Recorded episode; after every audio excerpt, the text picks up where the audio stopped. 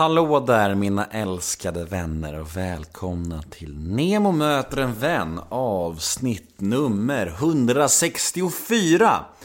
Denna vecka gästas jag av Rolf Lassgård. Men eh, först skulle jag vilja prata lite om mina föreläsningar. Nu är det januari och jag kommer åka ut här nu i januari och februari. Runt om i Sverige. Jag tror att jag har ungefär sex eller sju datum bokade och jag kommer åka till till exempel Halmstad, Helsingborg, Oslo, Värmdö, Kalmar, Sundsvall. Ja, ni hör. Lite varstans helt enkelt. Och eh, min föreläsning handlar ju om att växa upp i en dysfunktionell stor familj under kaosomständigheter. Att eh, sen kastas in i en dokusåpavärld, i dokusåpavärlden liksom, i kändisvärlden och vad som händer med en människa när man liksom utsätts för så här snabbt kändisskap och baksidorna med det och vad som händer med mig efter det. Och ja, det är en föreläsning som handlar mycket om missbruk, om droger och eh, bekräftelse och allt sånt där. Sociala medier och och sen har den även en lycklig, ett lyckligt slut. För jag berättar ju också hur jag lyckades ta mig ur allt det här och eh, hur jag vände mitt liv sen. Så Föreläsningen har fått väldigt bra respons runt om i landet och det känns väldigt fint och coolt att jag får äran att använda mitt gamla kaos till någonting fint. Att jag får Ja, det känns, det känns bara mäktigt att, att, att jag får använda liksom min, min gamla misär och saker som jag har skämts över och hatat med min, med min historia. Att jag får, idag får använda det som verktyg till att inspirera och hjälpa andra ungdomar. Och det är väldigt fint. Så jag hoppas att jag får åka ut till ännu fler skolor runt om i Sverige. Om ni, vill, om ni är nyfikna på den här föreläsningen så gå in på min hemsida www.nemoidén.se Där finns all information ni kan behöva. Men dagens podd då, Rolf Lassgård. Mm. Jag hade hört mycket om Rolf innan, eh, innan jag poddade med honom och jag hade frågat mycket om honom också. Om kollegor och så här, i, i branschen. Han, han, eh, han är ju en omtyckt människa, det är han verkligen. Och jag hade hört mycket gott om honom. Och allt som jag hade hört infriades. Det var så intressant. Jag hade mycket, jag hade höga förväntningar på honom kan man säga. När vi slog oss ner på SVT's hus där vi pratade. Och eh, alla förväntningar infriades. Han var, han var helt magisk. Han var så varm, gosig och vänlig och... Nej, jag vet inte. Det, ni får höra själva. En, en genuin och varm och härlig man bara. Eh, älskvärd kan man verkligen säga. Så ja, hoppas det kommer nå ut till er också. För jag blev väldigt nöjd över vårt samtal. Jag heter Nemo Idén på Twitter och Instagram. Hashtaggen är NEMOMÖTER. Gå gärna in på Facebook och gilla oss där. Nemo möter en vän heter vi där. Har du några frågor eller önskemål gällande podden eller om ni bara vill kolla läget med mig eller vad som helst? Eh, skicka dem till nemohedén gmail.com Min hemsida är www.nemohedén.se och där finns all information om podden, om mina föreläsningar, om min stundande bok och allt ni kan behöva veta om mig om ni är nyfikna på mig och mina projekt som jag håller på med just nu. Podden presenteras precis som vanligt av Radioplay och klipps av den eminenta Daniel Eggemannen Ekberg. Och ja, tack för det här året nu. 2017 är slut, 2018 är här och eh, ett fantastiskt år i ryggen och jag hoppas och tror att det här året kommer bli ännu bättre.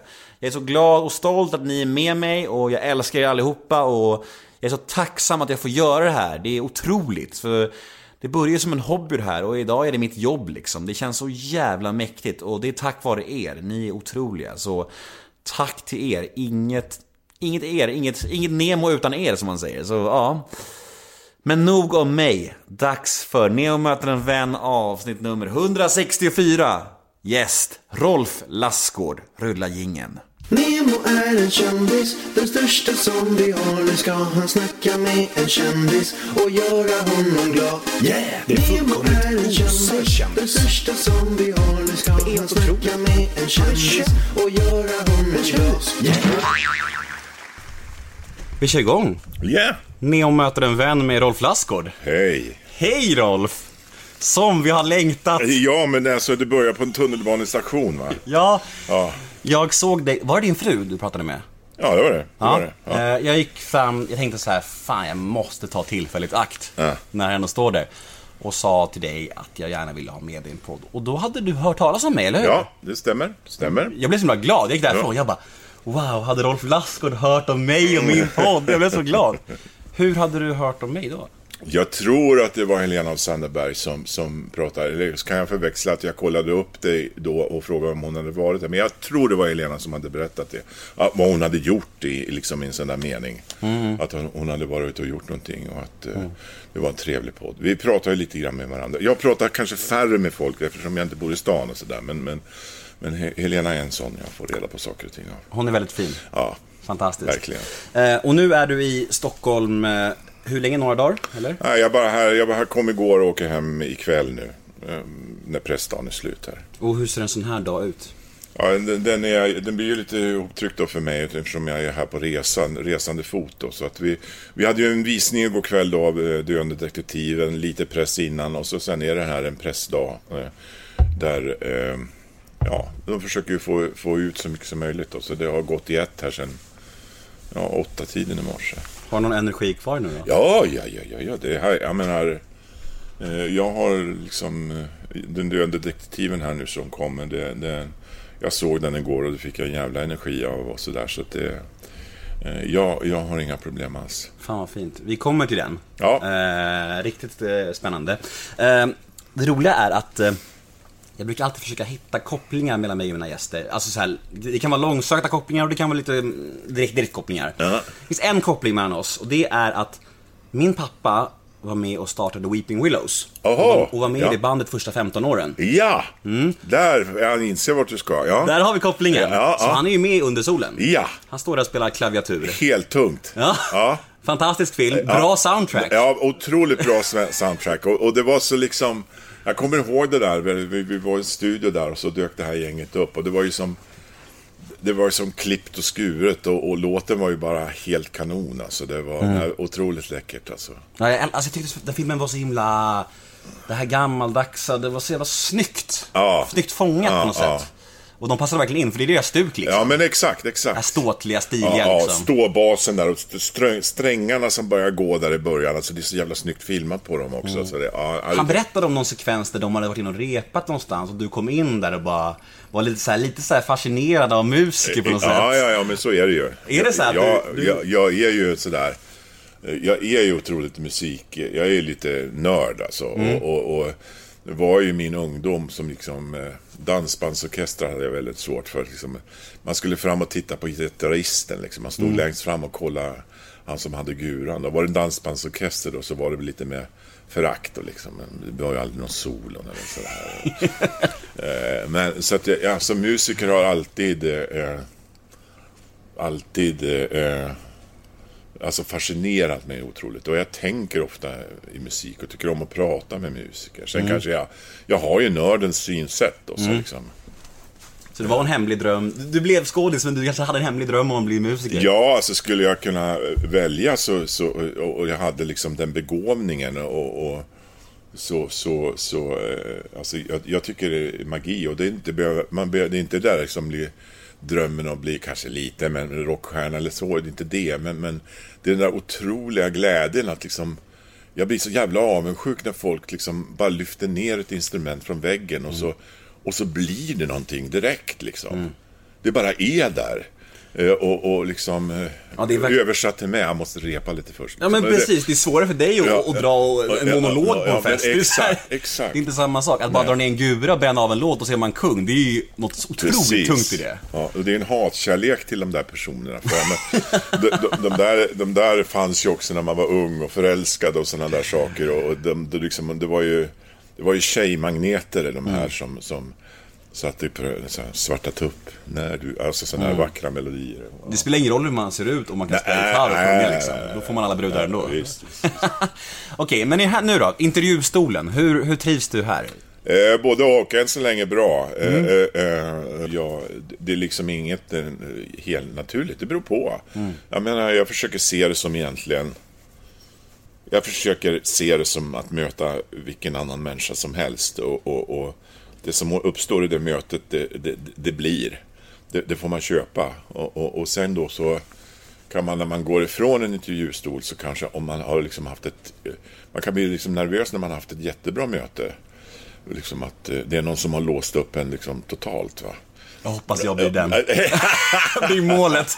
Det är målet. Just det, det är det man blir nervös för. Liksom. Nej, men för man, man har ju, det var ju en period där liksom, eh, eh, jag vet inte, den har ju försvunnit lite, men det kom en period för några år sedan där man, när, när man liksom i, tv skulle intervjua folk så skulle man äta samtidigt. Ja. Och det, det liksom, man skulle käka, det är liksom helt sjukt egentligen.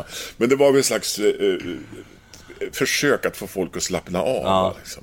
Ja, jag, jag tror inte på det. Jag har haft vissa gäster som vill äta samtidigt, Ja, ja. men det låter inget mysigt Nej, radio kan inte vara så bra. Nej, det låter inget härligt. Som med att höra simning på radio. Ja, verkligen.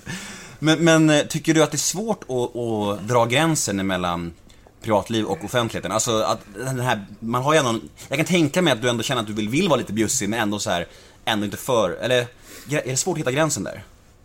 Ja, men jag tycker ändå att jag upplever att jag har, har gränser. Sen, sen när man har sagt vissa saker då, så kan man eh, dels bli trött på det därför man har sagt det förut. Och då kanske man liksom säger lite mer och sådär va. Men, men, men, men... Eh, ska jag avslöja min taktik här nu för dig? Eller det liksom... Ja, det tycker jag verkligen du borde göra. Nej, men det Raka bä- kort! Det är bättre att ge lite, så, så, så, så, så ofta så nöjer sig folk med det. Annars får man väl säga ifrån då, ja men det är ju inte mer än med det. Din taktik är att säga lite och så jag känner mig som nöjd. Ja, just det, just Medan det. min taktik är att vara så öppen om mig själv att du känner dig skyldig att berätta saker om dig själv. exakt. Så nu har vi båda avslöjat våra taktiker här. Exakt, exakt. Jag tycker Det bara bli helt tyst från. Ja, nu är vi klara. Tack för idag. Så, vad trevligt det var. Jag tycker bara med öppna kort. Okej, men ska vi ändå försöka... Jag brukar inte vilja dröja vid uppväxt och barndom så mycket, men, men vi borde ändå ta oss tillbaka en sväng i alla fall. Mm. Till din uppväxt och barndom. Om du ska kolla tillbaka på den, hur, hur minns du din uppväxt? Bra. Ja. Eh, ja, jag har sagt förut också, jag, jag, jag är från Östersund. Eh, liten småstad. Eh, Ja, skolan var öken, tycker jag. I alla fall liksom sitta still i bänken och lära sig saker. Sen polare och så var bra. Jag hade ett otroligt starkt och starka minnen ifrån mina morföräldrar som bodde åtta mil från Östersund, en liten by med sju gårdar. Där eh, eh, lekkompisarna var i stort sett tre tjejer. Som man liksom hängde med. Du blev en Och- och- kvinnokarl tidigt. Ja, det kan man väl säga. Eller kvinnokompis, kanske man ska säga. Ja, bra med kvinnor kan Ja, man ja, säga. ja, ja, i alla fall på, på det sättet. Ja, jag det förstår. fick jag kanske lida för sen. Men, men, men, men, Vi kommer inte det. Eh, och, och, eh, eh, och även på ett naturligt sätt med äldre män. Både gamla män och, och män som var alltså medelålders män. Som man lärde sig se upp till och, och, och ja, som blev lite sådär. Ja, för, för, jag vet inte förebild, det är för, stort ord, men, men jag menar, att vara inne i den världen i alla fall. Hur såg familjekonstellationen ut? Eh, Min familjekonstellation står ut eh, klassisk. eh, Pappa, mamma, två pojkar. Var du, vad gjorde dina föräldrar? Eh, till att börja med eh, bägge två eh, affärsbiträden. Sen blev min far handelsresande och började åka. Alltså egentligen min, inte min biologiska far då, utan han jag levde, upp, levde tillsammans med då. Så han, han blev handelsresande och, och var borta i stort sett måndag till torsdag varje vecka kan man säga. Var brorsan äldre eller yngre? Yngre. Mm. Har ni, var ni tajta? Eh, ja, rätt tajta i, i, i ungdomen.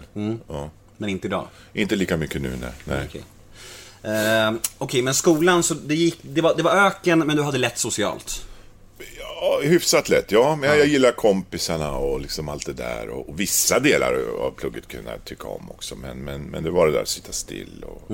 Var det så här det klassiska, eh, klassens clown och roliga timmen och sen, nej? Nej, inte alls, inte alls. Ja, det är tråkigt bara. Men, eh, ja. Men du, men jag tänker att, eh, hade du redan då, den här pojken då, jag, vet, jag tänker att vi pra, pra, pratar vi nu om högstadiet eller? Nej, nu, nu, är vi, nu är vi i lågstadium, mellanstadium. Om vi går upp lite grann där mot mellanstadiet och högstadiet, vad, Ja. vad hände då i dig? Vad drömde du om? Vad tänkte du? Eh, jag, jag vet inte hur, hur stora mina drömmar var. Alltså jag, jag, jag, eh, egentligen så eh, står jag på... Alltså mina intressen var ganska likana, liknande som de är idag. Va? Musiken var, var otroligt viktigt det här liksom med, med plattor och, och Eh, grotta ner sig i, liksom, i musiken och, och eh, Sen kom ju teatern in där i den vevan och blev ett otroligt starkt an, andningshål. Va? Eh, det här har jag sagt förut, men det började redan i lågstadiet när, när vi tyckte det var tråkigt så hade jag en smart, jävligt smart uh, lärarinna som sa ja men ni slipper svenska lektionerna om ni går på sidan och så kan ni skriva några sketcher och sådär. Och så när vi ju spela upp på roliga timmen och så kan, kan vi skriva en liten pjäs också. Det var ju väldigt bra svenska lektioner egentligen. Så, Skitbra lärare så låter det som. Svart pedagogik, mer svart pedagogik. Ja. Men, hon lurade oss in i det liksom. Så att, eh, och det, sen tog det fart när 70-talet kom, om vi började närma oss högstadiet, så, så hade jag kommit med i studiecirkelsverksamheten var väldigt eh, kraftfull då i Östersund och alla småorter. Liksom. Man, man, man skapade en cirkel på fem sex personer. Det var en gammal dam som hade amatörteaterverksamhet för hundra stycken. Mm. Både äldre, barn, ungdomar. Men vi ungdomar där i 70-talets anda, vi, vi bröt oss ut från den här och skapade en egen grupp då. Eh, ett gäng 14, 15, 16-åringar.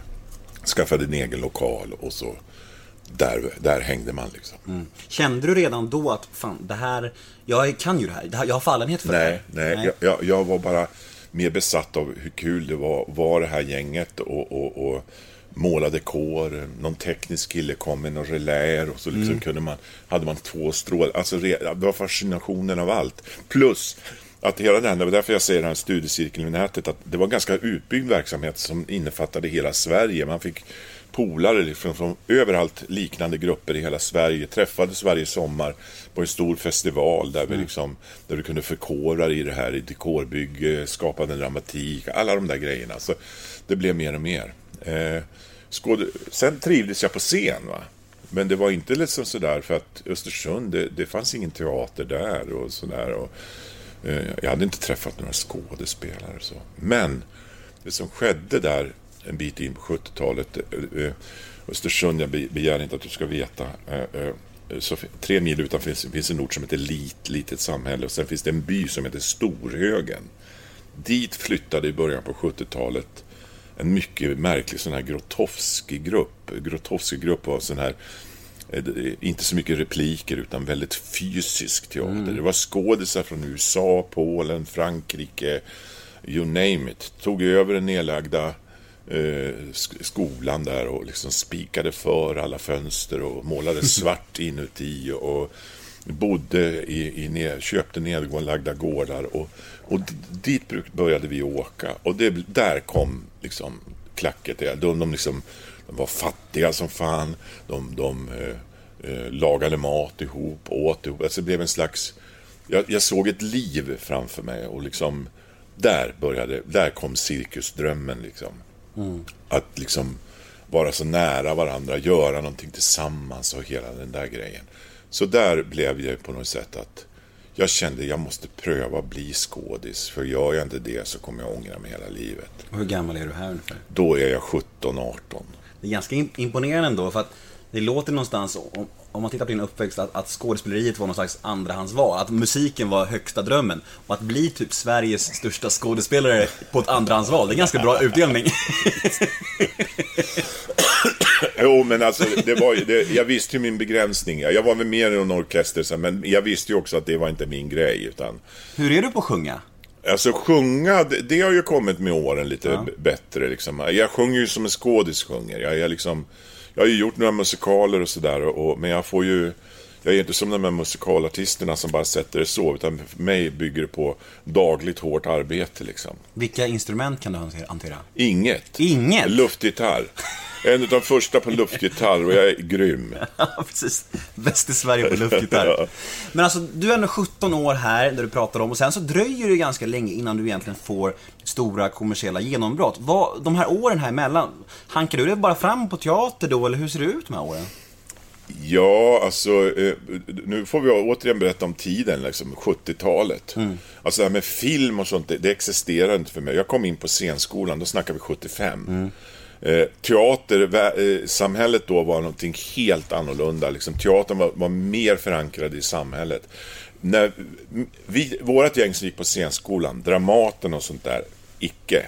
Det var fria grupper, det var, det var regionalteatrar som bildades i småstäder där man liksom jobbade i mindre ensembler tillsammans och verkligen kunde förändra någonting med en stor kontakt med sin publik och sådär. Och min dröm det var att hamna på Skånska Teatern i Landskrona, en av landets största eh, mest framgångsrika eh, teatergrupper, eh, fria teatergrupper. Och det, det blev så. 78 hamnade jag där och var där till 82. Och sen delade den gruppen sig i två och ett gäng åkte upp till Gävle och bildade där region, regionteatern där uppe. Så att eh, eh, där var det. Eh, filma gjorde jag egentligen första gången kring 86 och då sa jag aldrig mer. Alltså, för enligt min, enligt min uppfattning av dig och din historia, jag, jag kan ha fel, förmodligen. Du kanske har ett facit här för mig. Att ditt, största, ditt stora kommersiella genombrott var Min store tjocke far. Stämmer det? Jo, men det stämmer nog. Det stämmer nog. Även fast det kanske inte var jättekommersiellt, men det blev, blev, blev i alla fall eh, dyningar, alltså det, den liksom hade ju, den, förde ju med sig en massa. En- ja, den, den sågs ju liksom inte, jag menar kommersiellt, den sågs ju inte av liksom en miljon besökare Nej. på, på, på bio eller så. Men det blev ju något namn och du vann, Eh, du vann en bagge, eller Jag vann en bagge för Ja. ja. Vet du, det det finns ju en scen i den filmen när du är släpad bakom en traktor i en, i en sele. Ja. Kan du göra så när jag la upp dig, när jag la upp den bilden på dig eh, inför den här podden så var det många som frågade om just den scenen faktiskt. Ah. Kan, kan du inte berätta, hur var hur gick det till? Eller var det, hur var det en jobbig scen att spela in? Ja, alltså, jag, jag brukar säga att... jag, jag, menar, jag har gjort en hel del stunt och eh, eh, eh, slagsmålscener och har fått en hel del blåmärken. Men det där är den absolut livsfarligaste scen jag har gjort. Liksom, för att det var någonting kul det där. Han är lite alkad och, och, och, och, och för att komma i form då liksom, så knyter han fast sig bakom traktorn i det här repet. Va? Och så ska hans eh, tioårige son köra traktorn. Och, och jag sa, ja vi, slår, vi slog en blåknut av min midja och så satte vi fast den i, i, i dragkroken och så körde han. Och första gången gick ju bra, men om du kan tänka en tioåring som börjar bli lite fena på att köra traktor, det gick ju fortare och fortare för varje gång. Va? Och i några scener där så blev det ju naturligtvis så att, jag menar, det, jag hade ju bara behövt snubbla, det fanns ju ingen säkerhet alls. alltså. Jag hade ju släpat som en, liksom, jag, jag, vet inte hur jag hade sett ut. Så jag sprang med livet liksom som insats där. Ja. Men det kanske var bra, det, det ger ju den effekten. Man, Det kanske var det som gav baggen. Guldbaggen. Ja, ja, lite grann så, precis. Jag har, jag, har där, jag har skänkt den där affischen till mitt gym faktiskt. Mm. Ja, jag har tipsat, de har ju så mycket program på de här gymmen. Det, det här är det ultimata liksom. Mm. Om någon har problem, spänn fast dem bakom min krafttraktor och låt dem springa. Jag tycker det är härligt att höra en sån historia, för att man, man, någonstans så vet man, alltså när man ser det så tänker man såhär, åh helvete. Ja. Hur gick det där till? Ja. Det där ser jobbigt ut. Ja. så underbart att det var lika jobbigt som man tänker. Ja, ja, ja. Det så här bekräftar ryktena. Jag tror mina lyssnare kommer bli glada över det också. Rolf fick lida. Men det var väl i sam, ungefär samma veva som du började spela in Martin Beck-filmerna? Ja, det, det, det, ja exakt. Den hade, väl, den hade premiär, tror jag, eh, strax... Då hade jag precis börjat med, med Martin Beck-filmerna. Ja, Precis. Hur, eh, var, hur var det? Hur var samarbetet med Gösta Ekman? Oh, det, var- det var fantastiskt. Det, det, var, det var, alltså jag skulle vilja säga att de här Sjöwall Wahl-serierna, alltså våra Martin Beck, de, de, som man kallar det då, de hette ju på den tiden Sjöwall Wahlöö utifrån deras, de skrev tio böcker som var eh, omvälvande och är liksom de- är ju liksom stilbildande och, och en del i att vi har hela den här krim, krimvärlden. Det var ett nytt sätt att skriva kriminalromaner på helt enkelt. Va? Och eh, det, det, det blev min... Jag hade ju läst de där böckerna innan det här var snack om och, och, och det blev min filmskola skulle jag säga. För vi gjorde ju sex av de här historierna. Och jag var kanske nere tio dagar varje månad och filma och det var... Det blev liksom en... en eh, min filmskola skulle jag vilja säga. Eh, att liksom gå där tillsammans med både, både Gösta Ekman och, och, och, och Kjell Bergqvist som hade gjort en hel del vid, vid, vid den tidpunkten och, och, och, och få, få lära sig och vara igång så pass mycket. Va? Så det, det var en otroligt, otrolig, otrolig skojresa. resa. Och, och, och Gösta är liksom, eh, var ju den liksom otroligt varma person som han var. Va? Och, och, och med, med, eh, ja, men just att en komiker kan gå in i allvaret och ibland inte kan låta bli och liksom ändå lägga dit någon, någon sån här fining på, på ett bra sätt. Va? Det var nej, otroligt roligt. Ja, men det är imponerande med sådana som är så starkt förknippade med humor och bara går in och är så Ja, jävla ja, ja. stenhårda och Ja, exakt. coola liksom. Ja.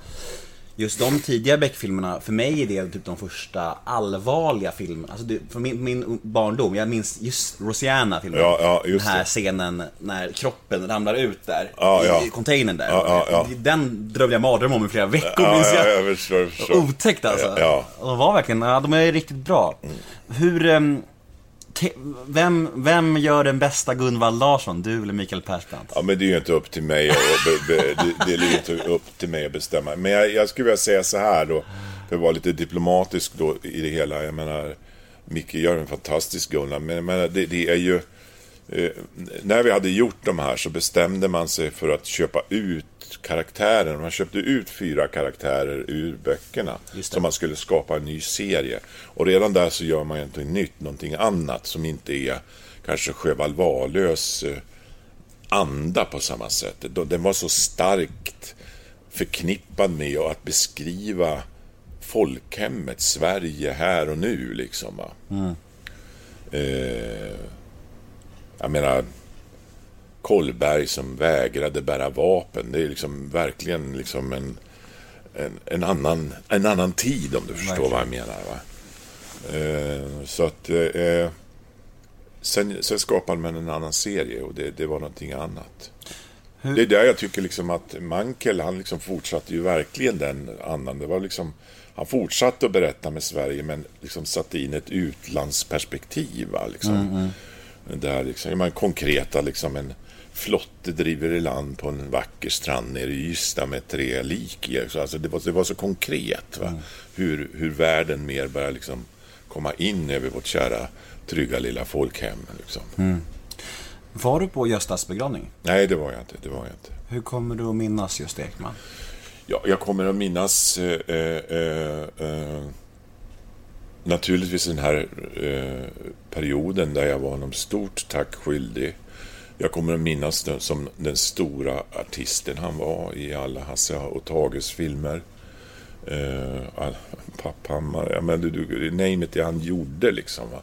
Men också den här direkta vänskapen som grundlade sig ur, eller vänskap, jag menar vi träffades ju inte så ofta, men jag menar, det var, det var, man hade det där gemensamt, så när man träffades kanske med flera år eh, mellanrum så liksom, som tog det bara vid på något sätt. Va? Som en gammal nära vän? Ja, ja, man behöver eh, inte ja, ses nej, ofta det liksom. var, nej, precis. Så var det lite grann. Och jag träffade honom senast då med att jag var på Dramaten nu för bara några år sedan då när, när Marie-Louise var, var, var chef där så, så var ju Gösta där en hel del. Så att det, det var Ja, det var skönt att få träffa honom där i slutet. Var han skruttig?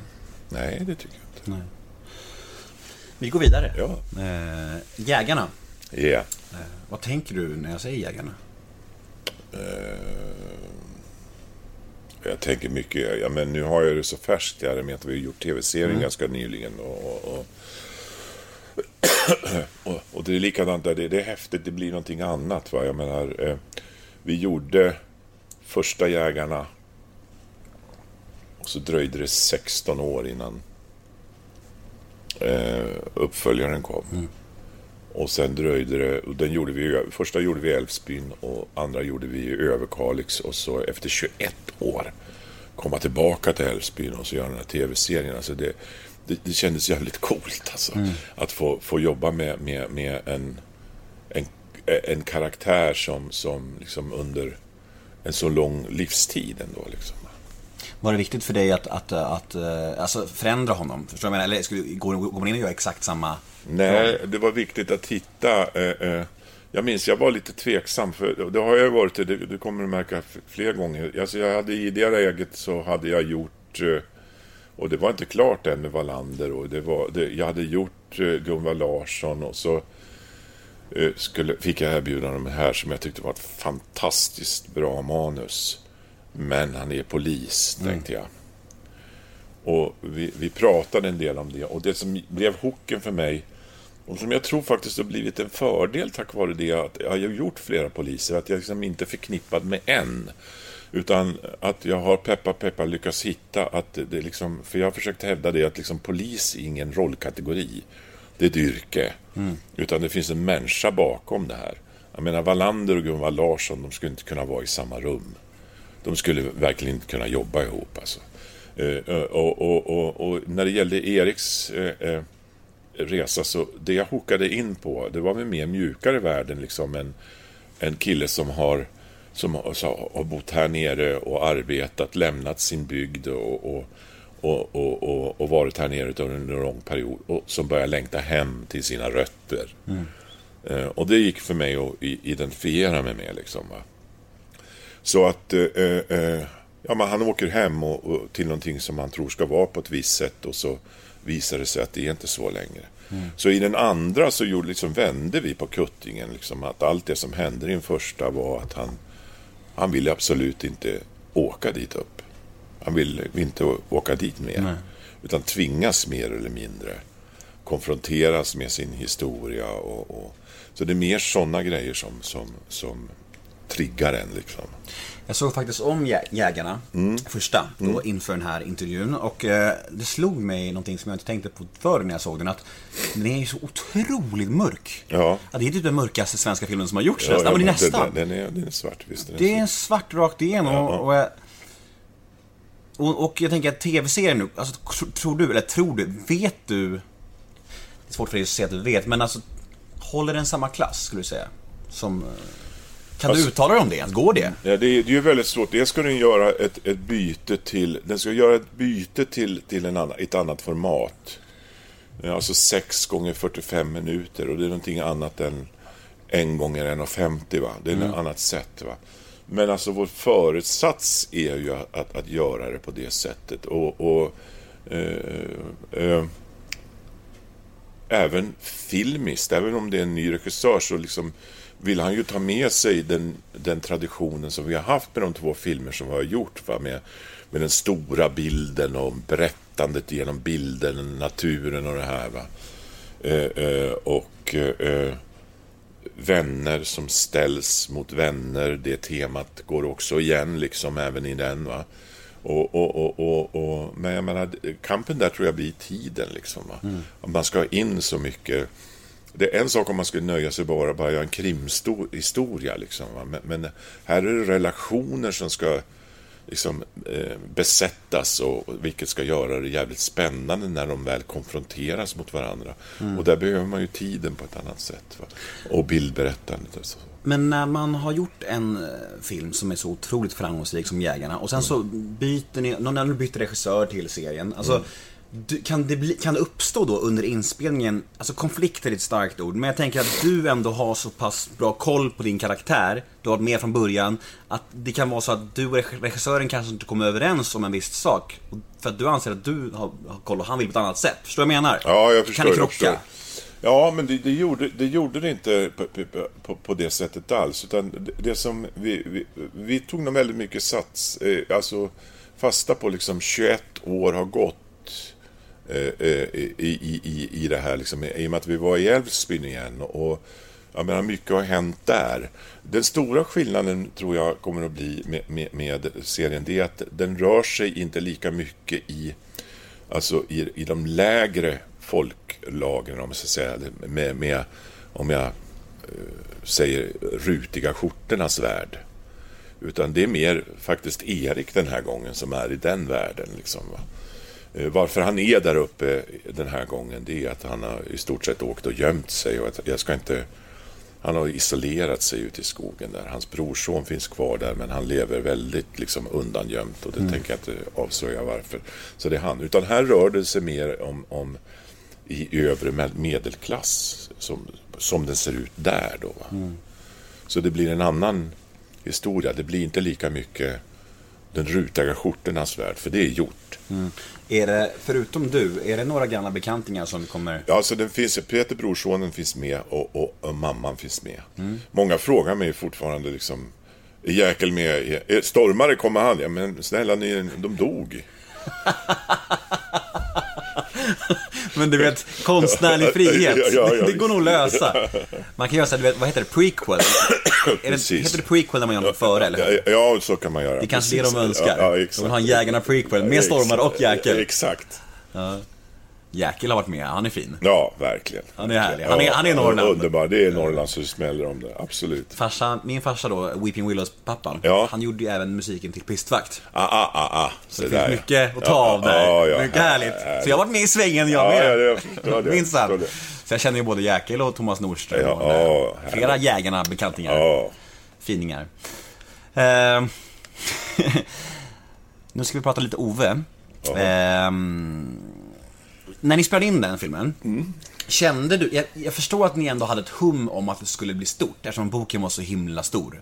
Men kunde du ana att det skulle bli så stort som det blev? Nej. Vad tänkte du när du spelade in den då? Var det, var- för jag tänker, att filmer överlag, när man spelar in en film, har man någonsin en, en aning om att det här kommer bli stort? Eller är det alltid som ett lotteri? Förstår du vad jag menar? Man, man, man, man, man känner alltid liksom om, om det har gått bra. Om man, liksom har skaffat, om man känner att det har gått bra, då kan man hoppas på det. Eh, Men, men, men man vet aldrig. Därför att liksom, när jag slutar inspelningen så då ska ju filmen göras sen. Och jag har liksom en, teori då, liksom, eh, det, är lätt att blir så när man gör en, en, en bärande karaktär så är man ju med i så pass många scener så att man, man får filmen på sitt sätt i sitt huvud. Va? Jag menar, jag ser den ju liksom ändå inifrån. Jag ser den ju inte från regihåll. Va? Men, men, men eh, eh, det fanns ett hopp att jag, jag, jag, jag, tro, jag trodde på det. Och, och, och, och, men men det, dessa siffror var eh, en dröm och att det liksom att den kunde också skäras och genom olika samhällslager också. Och, och även i kulturelit kontra populärfilm och sådana saker. Hur många har sett den på bio? Över en miljon va? Var det inte det? Ja, en miljon 750 000. Det är nästan herre. två miljoner Det är, i Sverige. Det är helt galet alltså. Ja, Är det, vilka, hur ser listan ut där i toppen? Alltså Sverige någonsin? jag tror... Ja, Sällskapsresan tror jag är etta. Mm. Och eh, Men Ove måste vara med där i toppen någonstans. den är trea. Trea. Ja, Vet du vilken som är tvåa? jag har inte hundra koll på det. Jägarna är väl topp 10 va? Nej, Inte? nej det tror jag inte. Du, du, du, du får ju betänka också de här... Åldersgränsen också. Mm. Exakt. Och Sällskapsresan är väl sju år och, och, och Ove 11 tror jag va? Mm. Så att det, det är lite olika. Har du sett eh, Johan Rheborgs version av Nej, det har jag inte gjort. Det, det är jag lite ledsen för. Eh, Men, men, men... Ja, Johan Rheborg gjorde ju Ove på teater. Ja. Jag tror att han blev lite ledsen att han inte blev tillfrågad om att, om att få göra filmen. Ja, ja, men det kan jag förstå. Det kan jag verkligen förstå. Är, har, är ni polare? Nej, vi har träffats en gång på, på, på någon liten party på Oscars där någon gång. Och så. Men, men, men, men nej, vi, vi känner inte varandra. Hur var det att vara på Oscarsgalan med Ove? Ja, det är ju... Eh, eh, Cirkus, det är cirkus. kan man säga va? Ja, ja, ja, ja, men överhuvudtaget så var jag glad för att det är inte bara cirkus, utan det är faktiskt eh, en rad saker som är jävligt häftiga också. Och, och, därför jag var ju där en gång förut då med Under solen. Och då, då spelade jag och mina kära producenter gav mig ledigt så jag skulle kunna flyga in, vara med på Oscarsgalan och flyga hem eh, liksom, dagen efter. Så det var, då var det liksom, det, jag bara, hade bara huvudvärk i stort sett. Liksom. Men det var ju naturligtvis fantastiskt. Va?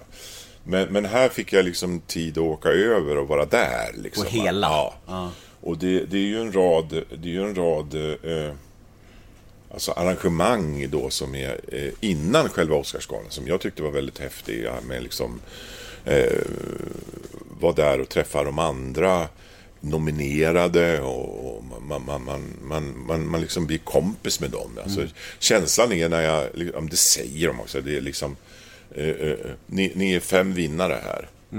En kommer att få priset. Det, det, det är liksom, det är ju så det är liksom. Och, och, och, och även, även i och med att ju, den var ju nominerad på Mask där, så jag var med Love och Eva där när de hade, alltså för en utsåld teater hade de en genomgång av Oves Mask. Och, alltså, och jag kommer aldrig att glömma, det var ju andra gången de rad som de är nominerade. Jag, när man kommer in i foajén där så är det då utställningar då på, på, på, på, på maskerna och de nominerade. Jag tror det var tre, tre det var tre filmer som var nominerade. Och det var Star Trek. Och du kan ju se, tänka dig hur de maskerna ser ut, liksom, så här rymdvarelser. Och så var det den här Suicide Squad. precis. Och, och de maskerna. Och så var det liksom en, en skalle med Ove då, liksom, som stod där. Och, och, och, och jag minns Eva och Love. Och det är ju därför de är nominerade också. De, de liksom, vi, då- för vi måste få bilder på det. Vi måste, vi måste visa hur du ser ut egentligen. Liksom. För jag, i, mångt och mycket så trodde man ju, det var ju så jävla bra så jag kunde mycket jäl, väl kunna sett ut så där. Jag menar, vet folk inte vem jag är så liksom är det, ja vad har de gjort här? De målat ögonbryna på en eller vad, vad liksom är det va? Precis. Men jag menar, det är ju därför de är nominerade, att de, de gör det svåraste. Va?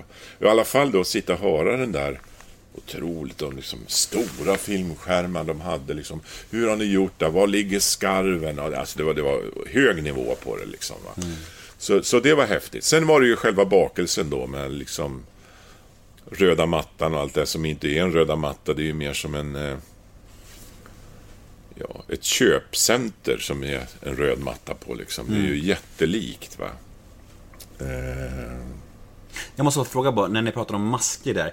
Var det även de som gjorde masken till 100-åringen? 100-åringen? Visst Ja, var det? Samma ja, gäng? exakt, exakt. För jag vet att Robert pratade ju om att, eh, när de, att det var typ så fyra timmar varje morgon och så här vansinnigt. Var det ja. samma för dig? Nej, det var inte samma. Det var inte samma. Därför att Robert hade, han hade det mer i ansiktet och sådär. Jag hade bara eh, själva huvudskålen. Så det var två timmar varje dag. det är ingenting. Nej, nej, nej. nej, nej, nej det var... Det var Nej men så det, och det var ju, var ju det, jag led inte av det mer än att man, man blev ju väldigt trött va, men, men, men, men, men eh, det var ja, ganska bra för humörets skull att liksom kliva upp där halv fem på morgonen och så Fan, alltså. gick jag, jag hade alltid mina, hans eh, speciella träskor där som, som inte ens är träskor, de är ju konstmaterial och de där, så de gick jag i då liksom.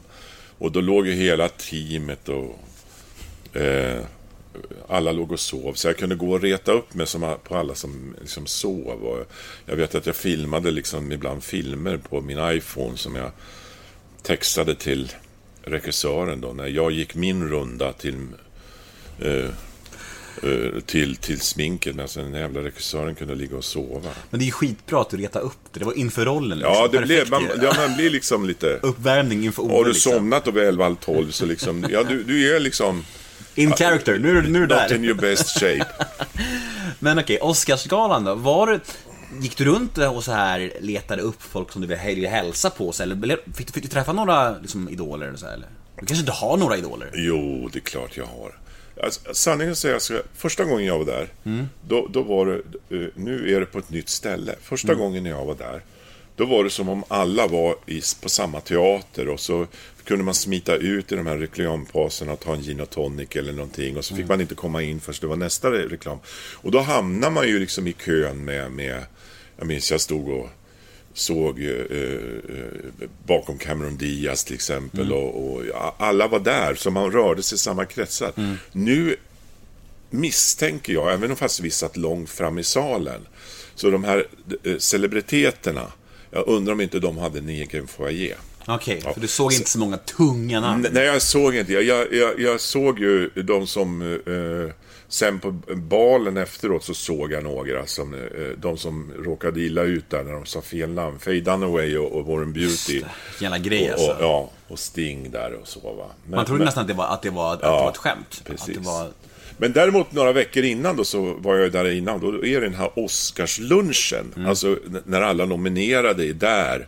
Och då blandas man i borden och då fotograferas alla i en stor gruppbild. Mm. Och då var alla där. Alltså då, då var ju... Och då hade jag haft äran då liksom att, att, att jobba med, med, med, med Matt Damon då. Så att då var han där. Så han, han träffade jag det där på Oscarslunchen då. Så, eh, det gjorde jag även för han var med och presenterade en av filmerna den som vann faktiskt, den iranska filmen, när vi hade vår presentation av de olika filmerna.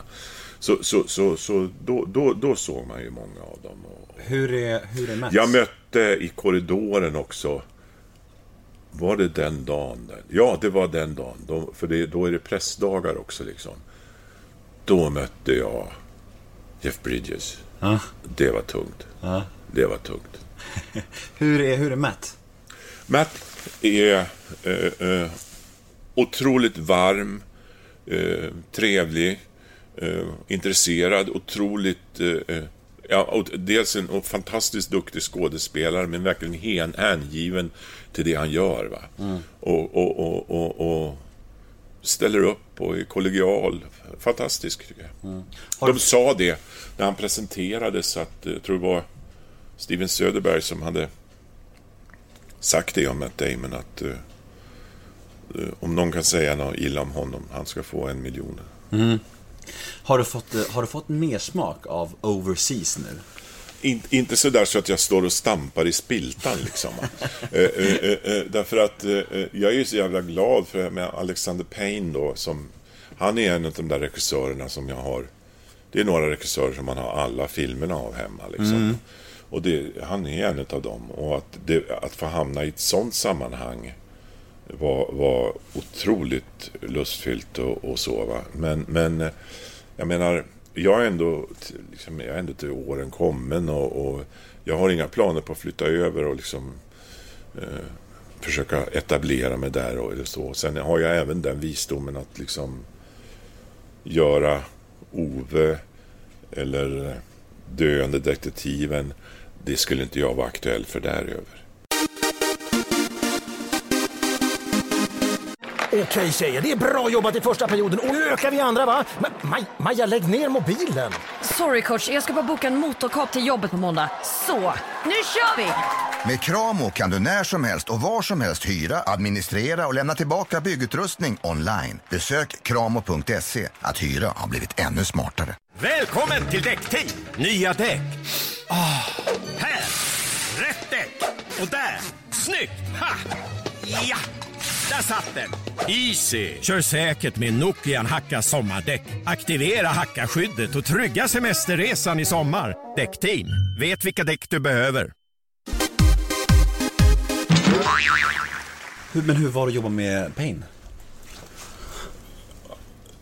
på samma sätt. Jag, jag har, har nog... Alltså när jag kom till sättet första dagen så var det ju så inåt i helvete stort alltså.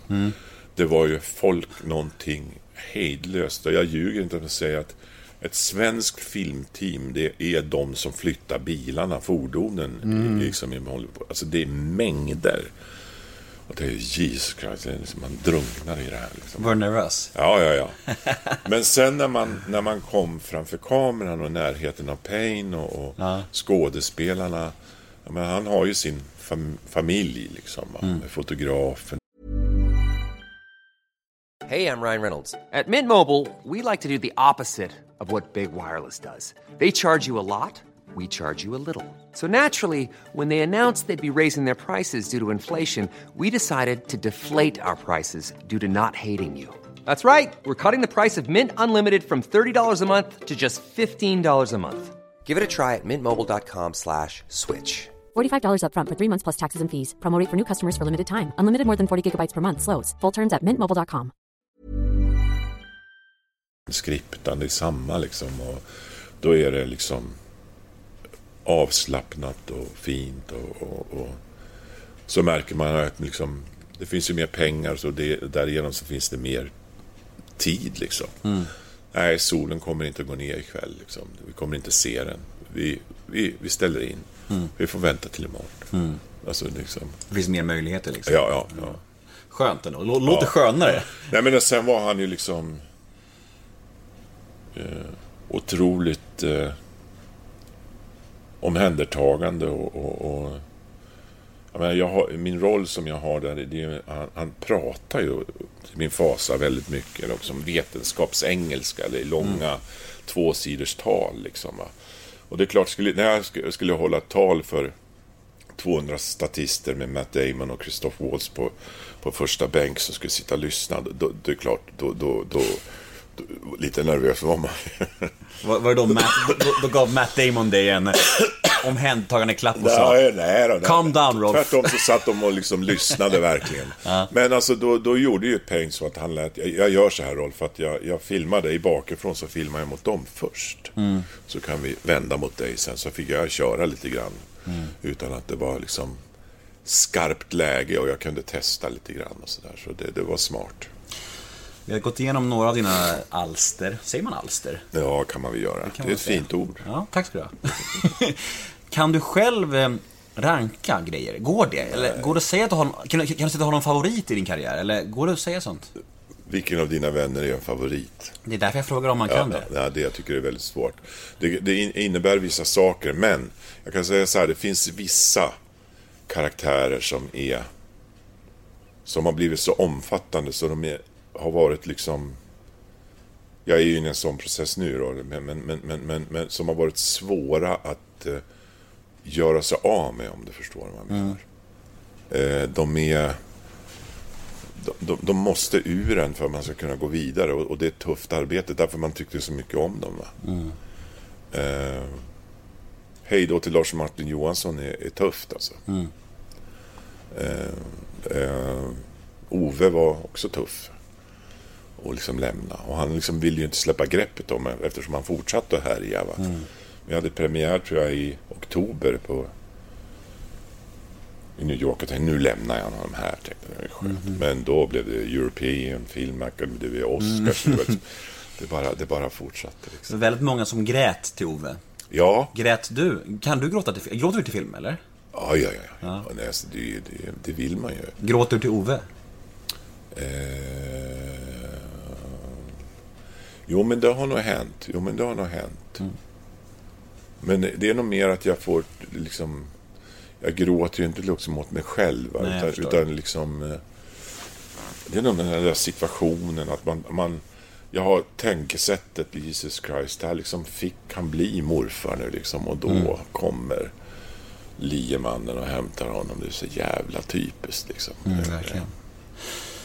Hur kommer det sig att du gjorde första säsongen av Wallander bara och sen tog Christer över? Ja, men jag gjorde inte bara första säsongen av Wallander. Ja, utan- första filmsäsongen säger man? Eller ser man inte det? Nej, alltså det var ju också väldigt speciellt. För att eh, det var ju så här. Eh, Henning Mankell hade skrivit två böcker när vi började filma. Ja. Och så gjorde vi dem. Så skrev han en bok till. Så gjorde vi den. Och så dröjde det tre, fyra år. Och så hade han skrivit två böcker till. Så gjorde vi dem. Och när jag hade gjort kanske sex böcker. Då kom det här andra projektet på tal. Och man frågade om de skulle göra då 13 fristående.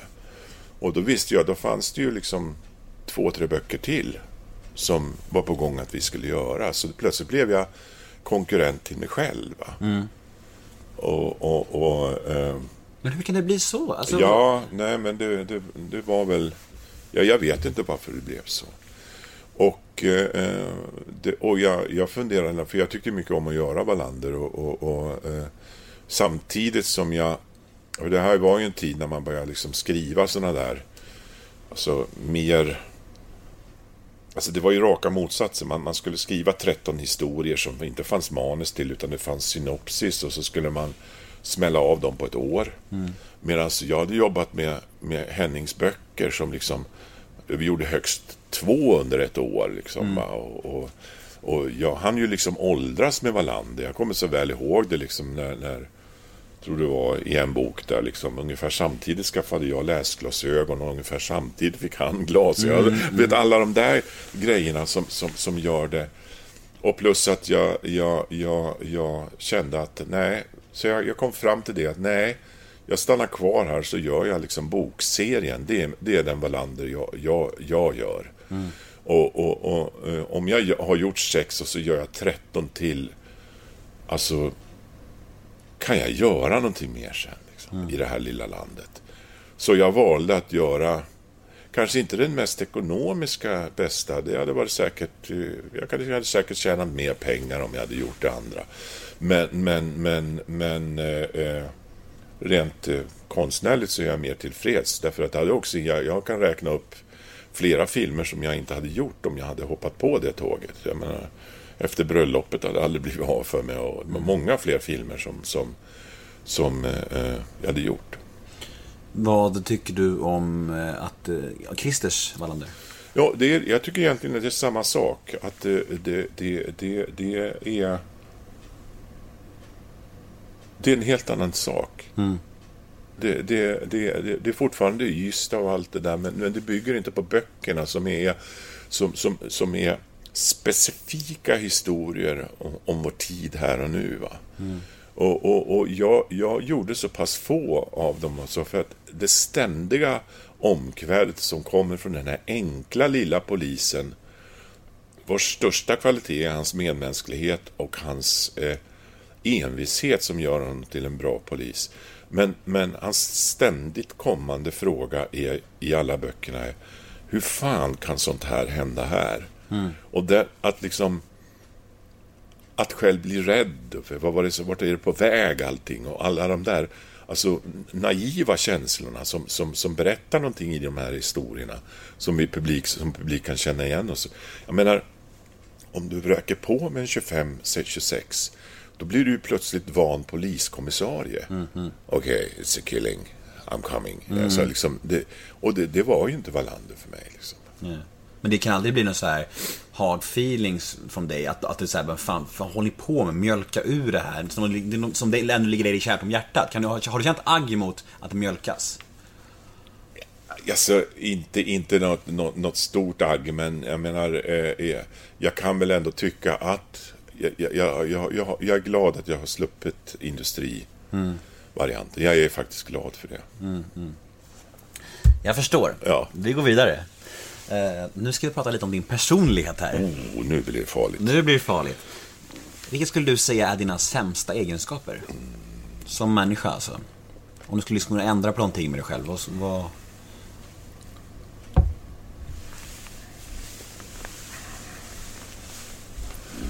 Om jag skulle vilja ändra på någonting med mig själv så... Har någonting som du är så matt på att du håller på med? Någon så här egenskap? Oro. Eh, skulle jag verkligen vilja ha, men det, det kan bli som ett ok ibland. Vad oroar du dig för? eh, hur saker och ting ska vara.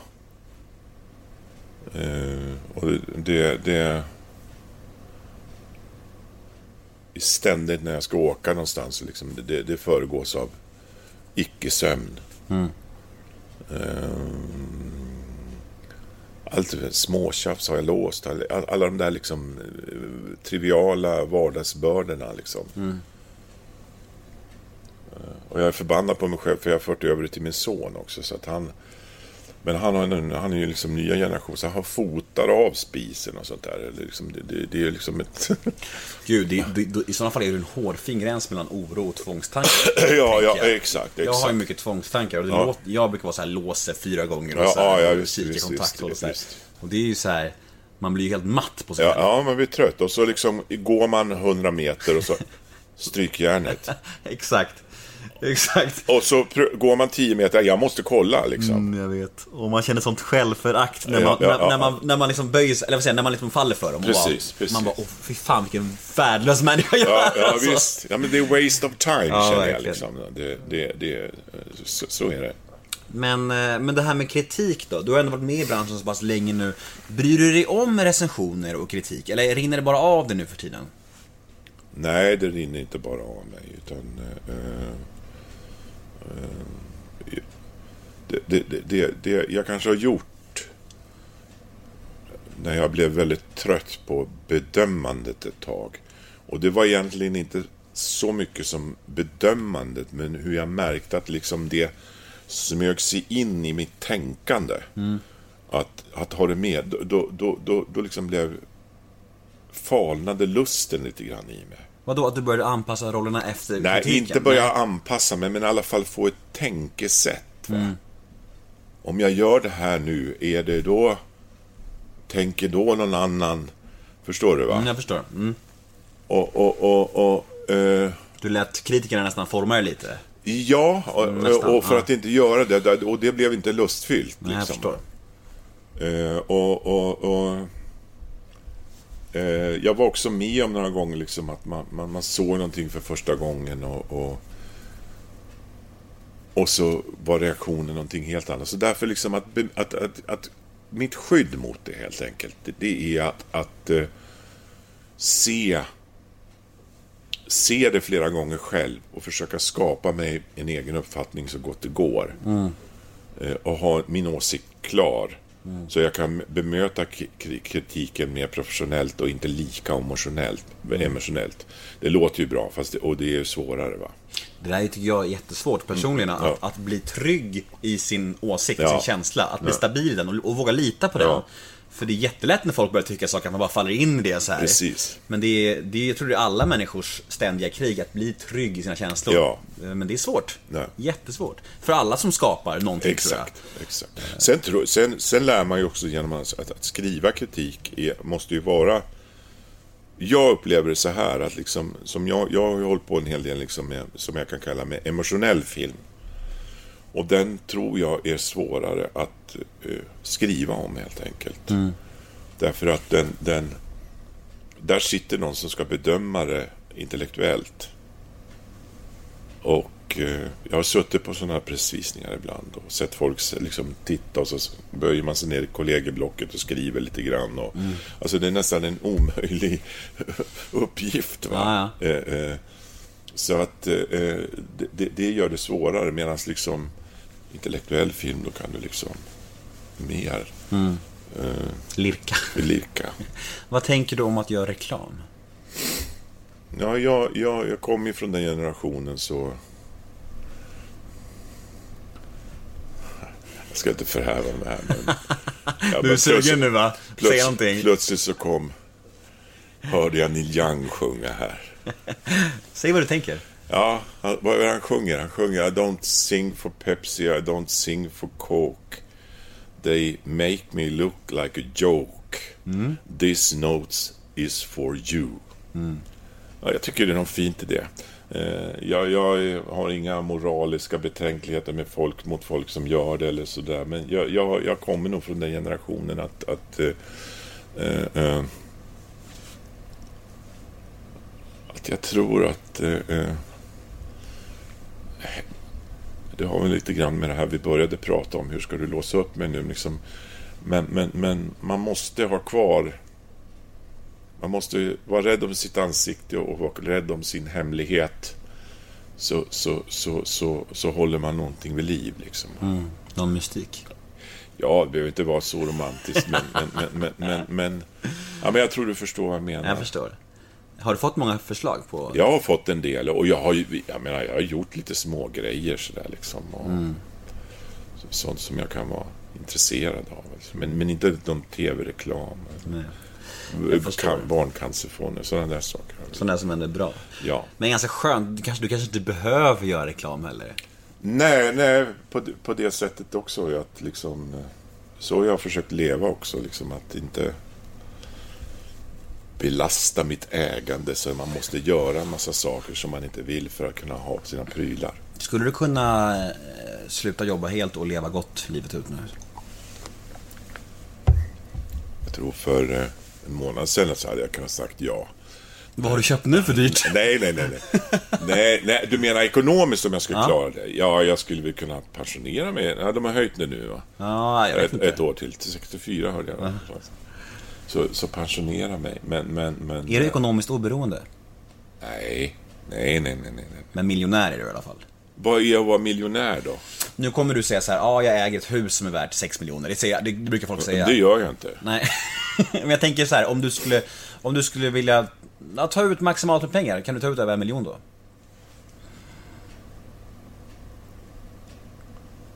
Ja, kanske. Ja. Ja, det, det, det är ett okej svar. Ja. Ja. Där- Därför jag har inte riktigt koll. Jag förstår. Men jag menar, en, en miljon lever ju inte på mer än ett och ett halvt år. Nej, så så är jag är ju inte ekonomiskt oberoende. Så att det liksom... Nej. Jag menar, jag, jag, jag, jag har så jag klarar mig, men jag, jag, jag är inte någon... Krösusork. Nej, verkligen inte. Verkligen inte. Ja, du snuddade precis vid det. Du är eh, närmare i pension om du vill då såklart. Eh, 62 år, eller hur? Ja, Eh, hur, eh, hur känner du inför ditt åldrande? Tänker du på det mycket? ja, man tänker på det då och då. Det gör man ju. Det är någonting som man bär med sig hela tiden. Och, och man... Eh, man häpnar över hur liksom... Ja, med tid, hur, hur, hur mycket fortare det går. Det tänkte jag redan när jag fyllde 50, så tänkte jag fan... jag, jag fyllde, det är tio år sedan jag fyllde 40. Eh, är ganska långt tillbaka tänkte jag. Det har hänt mycket. Det är tio år till 60 liksom. Piece of cake. Pst, så det bara. Så var man 60 liksom. Mm. Upplevde jag det som. Det är som om det ökar på. Va? Ehm, så, så visst, visst tänker man det. Men det, på gott och ont. Jag menar, eh, det roliga är att liksom du fortsätter ju hela tiden att utvecklas. Liksom. Och också då det hemska i det, avvecklas. Som Mm. sagt, liksom. Men finns det en ångest i att bli äldre? Alltså, du vet, har åldersnoja så här? Jag tycker inte att jag har så stor åldersnoja heller. Jag, jag kan väl märka det liksom att eh, det gick lättare att springa på myrarna i första jägarna än i tredje. Men är du rädd för döden och så här? Det kan man väl vara. Man kan väl vara alltså, under, när vi gjorde den döende detektiven så var jag väl inne i den tunneln ganska ordentligt. Eh, Och, och, eh, man är ju rädd för att få den där eh, eh, tuffa döden. Liksom. Mm.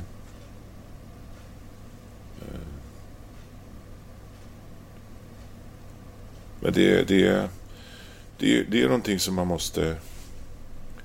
Alltså jag, jag tänker på det och jag, jag, jag, jag, jag kan kanske liksom inte... Jag vill inte säga liksom att jag bara sitter själv och har ångest utan jag, jag sysselsätter mig nog med mer liksom i en upphöjd form. Mm. Alltså genom... Eh, jag minns när David Bowie släppte sitt eh, sista album där så liksom... Det, det, det gick väldigt mycket liksom sådär. Eh, för det bara ångar jag av. Mm. Av just det. Eh, och likaså Coens nya eh, I am ready my lord. Alltså, Mhm. eh, att i, i sådana sammanhang fungera på det känns lättare. Mm. Ska inte du släppa en platta när du är ready då?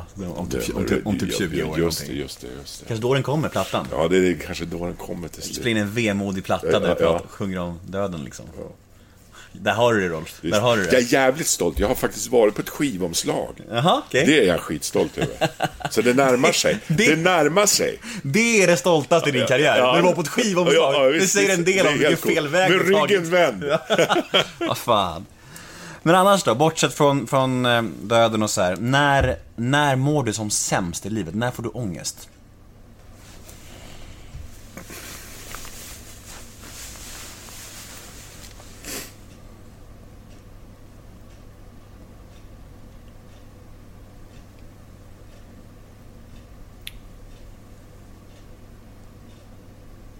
Nu blev det jävligt tyst. Jag kan få... Ja, men det har med nog med den här oron att göra som kan liksom... Eh, eh, liksom explodera i mig. Eh, otillfredsställelse med mig själv och, och sådana saker. Eh, jag kan få, jag ska inte kalla det ångest, under också arbetsperioder när jag tvivlar på mig själv. Eh, sker alltid i alla filmer någon gång under, i mitten där någon gång. När, när man har börjat sätta så man, man börjar vara jävligt orolig på att man är ute fel och, och eh, jag upp- alltid på något sätt, i det fallet så har jag nästan upplevt det som produktivt. Men, men, mm, men jag menar, råångest, det har jag nog inte liksom. Det tror jag inte jag har liksom. Skönt. Ja. Mm. Grattis till det. Ja. Mm. Eh, vad har du för relation till alkohol? Eh, jag dricker. Det. Eh, jag, jag tycker ganska bra om det. Eh, eh, eh, eh. Jag tror inte jag eh, dricker för mycket. Eh, jag har ända sedan det att jag eh, fick barn Och jag minns det så väl när jag var bakis en morgon. En treåring kom fram och ville leka och jag orkade inte. Och från den punkten så la jag av och... och alltså det, det, för i mig så finns en spärr. Där liksom, nej, nu är det stopp. Annars förstör jag dagen imorgon. Och jag, jag kan förstöra min dag, men jag får fan inte rättighet att förstöra ungarnas dag. I helvete heller. Det, liksom, det, det, det, det, går inte. Eh, och det där kan ta sig ibland. Ja. Om jag kan bli lite för mycket någon gång. Då kan jag dra med, med mig antingen själv, jag kan gå oändliga promenader på vägen hem. Bara för att förbränna alkoholen för att jag ska vara piggare dagen därpå. Det, det, det är som en besatthet. Jag har varit irra på en motorväg i Oslo en gång. Bara för att och hävda att jag visste vägen till hotellet. Nej, men eh, eh, jag dricker inte sprit, nästan inte. Ytterst sällan. Eh, jag dricker vin och, eh, och öl. Det känns, Jag, dock, jag dricker inte varje dag. det känns ju som dock som att eh, skådespelargubbar, jag säger inte att du är en gubbe, Nej. du är en man. Ja, men- Snart är du gubbe. Ja, ja. Mm. Men skådespelargubbar överlag är ganska alkoholiserade. Alltså jag, jag tänker så här, Mm. av de jag har intervjuat så är det många gubbar som nästan har gjort det till en grej. Lite, lite, lite romantiserat så här. Ja, ja. Skådespelargubben, man kommer undan med det, det är lite skönt, är lite, lite, lite okej så Ja. här. Och, så det är intressant att fråga just äldre skådespelare, män, om alkohol. Ja, för att det ja. brukar vara så att ofta Många har en, ett problem och ändå liksom har någonstans bara säga, ja men ja, det är så det är bara. Men jag tror att mycket har jag jobbat med sån teater, alltså framförallt med teater då. Mm. Eh, eh, eh, ja, men under en filminspelning så då händer det ofta liksom att man, man tar en öl varje kväll och sådär liksom efter inspelningens slut Mm. och sådär. Men, men, men aldrig så att jag liksom blir, eh, blir berusad eller så. Va? Eh, Och, och de teater jag har hållit på med har varit så jävla fysiskt krävande så det, det, det går inte ens att dricka en öl efter föreställningen. Liksom. När vi gjorde Utvandrarna på, på Dramaten, jag orkade inte dricka en öl efteråt. Alltså. Nej. Det, det, det, det, det, det, det var inte förenligt. Va? Nej, jag förstår. Men jag menar, när veckan var slut, då kunde jag ha för fem istället. Så jag menar, det, det, det är liksom... Vägde upp det lite grann. Ja, ja. Hur... eh, Nej, men jag förstår, jag förstår det. Och det, det var väl mer kanske i bak i tiden. Men jag, jag, det där har jag funderat också på. Det är lite, lite sjukt i vår, vårt yrke ändå. Va? För att under en- period när jag hade det tufft så hade mitt hockeyintresse tagit eh, fart igen. Och, och, jag började titta på liksom likheterna i, inom idrotten då. Alltså lagidrotten som också är teamet, det är ensemblen och allt det där. Va? Hur, man, hur man löser har konkurrenssituationen, hur man löser situationerna. Va? Och det var ganska... Eh, jag fick väldigt mycket tänkande till mitt eget yrke, där man som inom idrotten då för, för prestation och sådana där saker. Att få folk att blomma, det finns mentala coacher, det finns, det finns en rad företeelser utom själva och, och idrotten som man har. Va? Som guider på Ja, något sätt. och då Ja. egentligen vi då som håller på det vi kallar mjuka värden. Ja. Eh, eh, vad fan, hade, vad har vi? I bästa fall har du någon jävla god vän du kan snacka med. Men, men då har vi sprit som blir liksom kanaliseringen. Mm. Och det, det, det tyckte jag var jävligt sorgligt egentligen. Ja, jag fattar vad du menar. Det, det kanske borde vara lite mer likt idrotten där. Ja, någonstans. Vad har du för relation till eh, droger? Jag tänker, nu, nu, jag fattar att du inte har någon, någon relation till det idag, men jag menar Nej. rent, rent historiskt sett. Ja, så jag är återigen den generationen där liksom det, här började. Jag är egentligen generationen under. När jag växte upp då fanns det då fanns det tre kategorier. Och det var sunar, och det var tuffrarna, motorburna raggare och motorburen ungdom, rock, alltså sådana här motorcykelkillar. Och så fanns det modsen. Kent och Stoffe. Ja. Ja. Eh, Och så fanns det pärorna. Vad fan är det? Pärorna... Det låter som stroppar typ, eller? Nej, alltså det var, det var eh, de här som ville vara det ena eller det andra men fick inte för morsan och farsan. Mm, jag förstår. Ja. Och lite grann så, eftersom jag är född på 50-talet, eh, det är också roligt. Man är född på 50-talet men det heter 40-talist och det heter 60-talist. Jag har inte hört ordet 50-talist så många gånger. Så, så vi, vi, vi levde ju med den här 40-talsgenerationen då som, som, som, gick, som gick in i hela hippie-eran och, och var lite för unga. Och, och kunde se det där, så man hängde med lite grann. Va? Så jag, jag var aldrig inne, jag har prövat vissa saker, men jag var aldrig inne i det på, någon, på, på något sånt där sätt. Alltså. Och tyckte egentligen hasch och sånt där, det, det var, det var, eh, var lite tråkigt alltså. Eh, eh, eh, alla hamnade i ett hörn och satt för sig själv liksom. Istället för att att liksom ta en bira tillsammans och snacka. Så, så, så, så fungerade det lite grann för mig. Sen kan jag liksom... Jag har inte provat sådana där saker. Jag, jag, jag vill inte heller lägga någon moral. Det, det otäcka, moralen är det otäcka i det.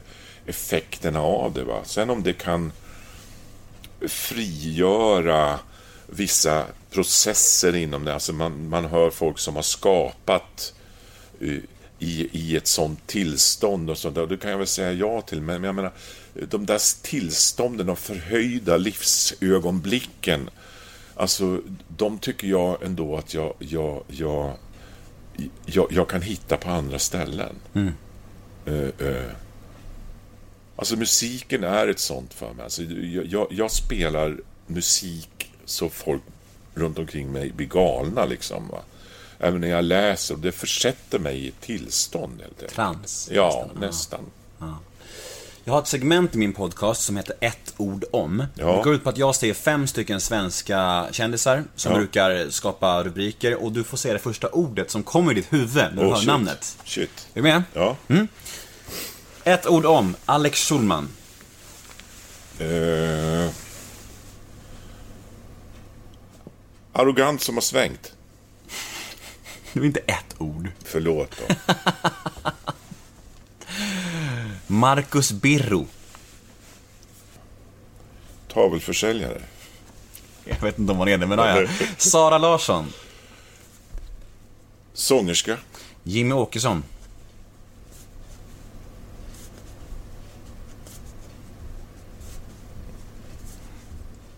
Leif GW Persson. Folkhemsfar. Precis. Du var tyst på Jimmy Åkesson. Ja. Du, inga kommentarer bara? Nej, jag, vad fan ska jag säga? Liksom, eh, eh, jag kan inte säga ett ord om honom. Nej, jag förstår. Eh, Vi har veckans brev. Eh, Det är några stycken, det är, det är så här, det är kommentarer som har ra- ra- rasat in på mina sociala medier. Ja.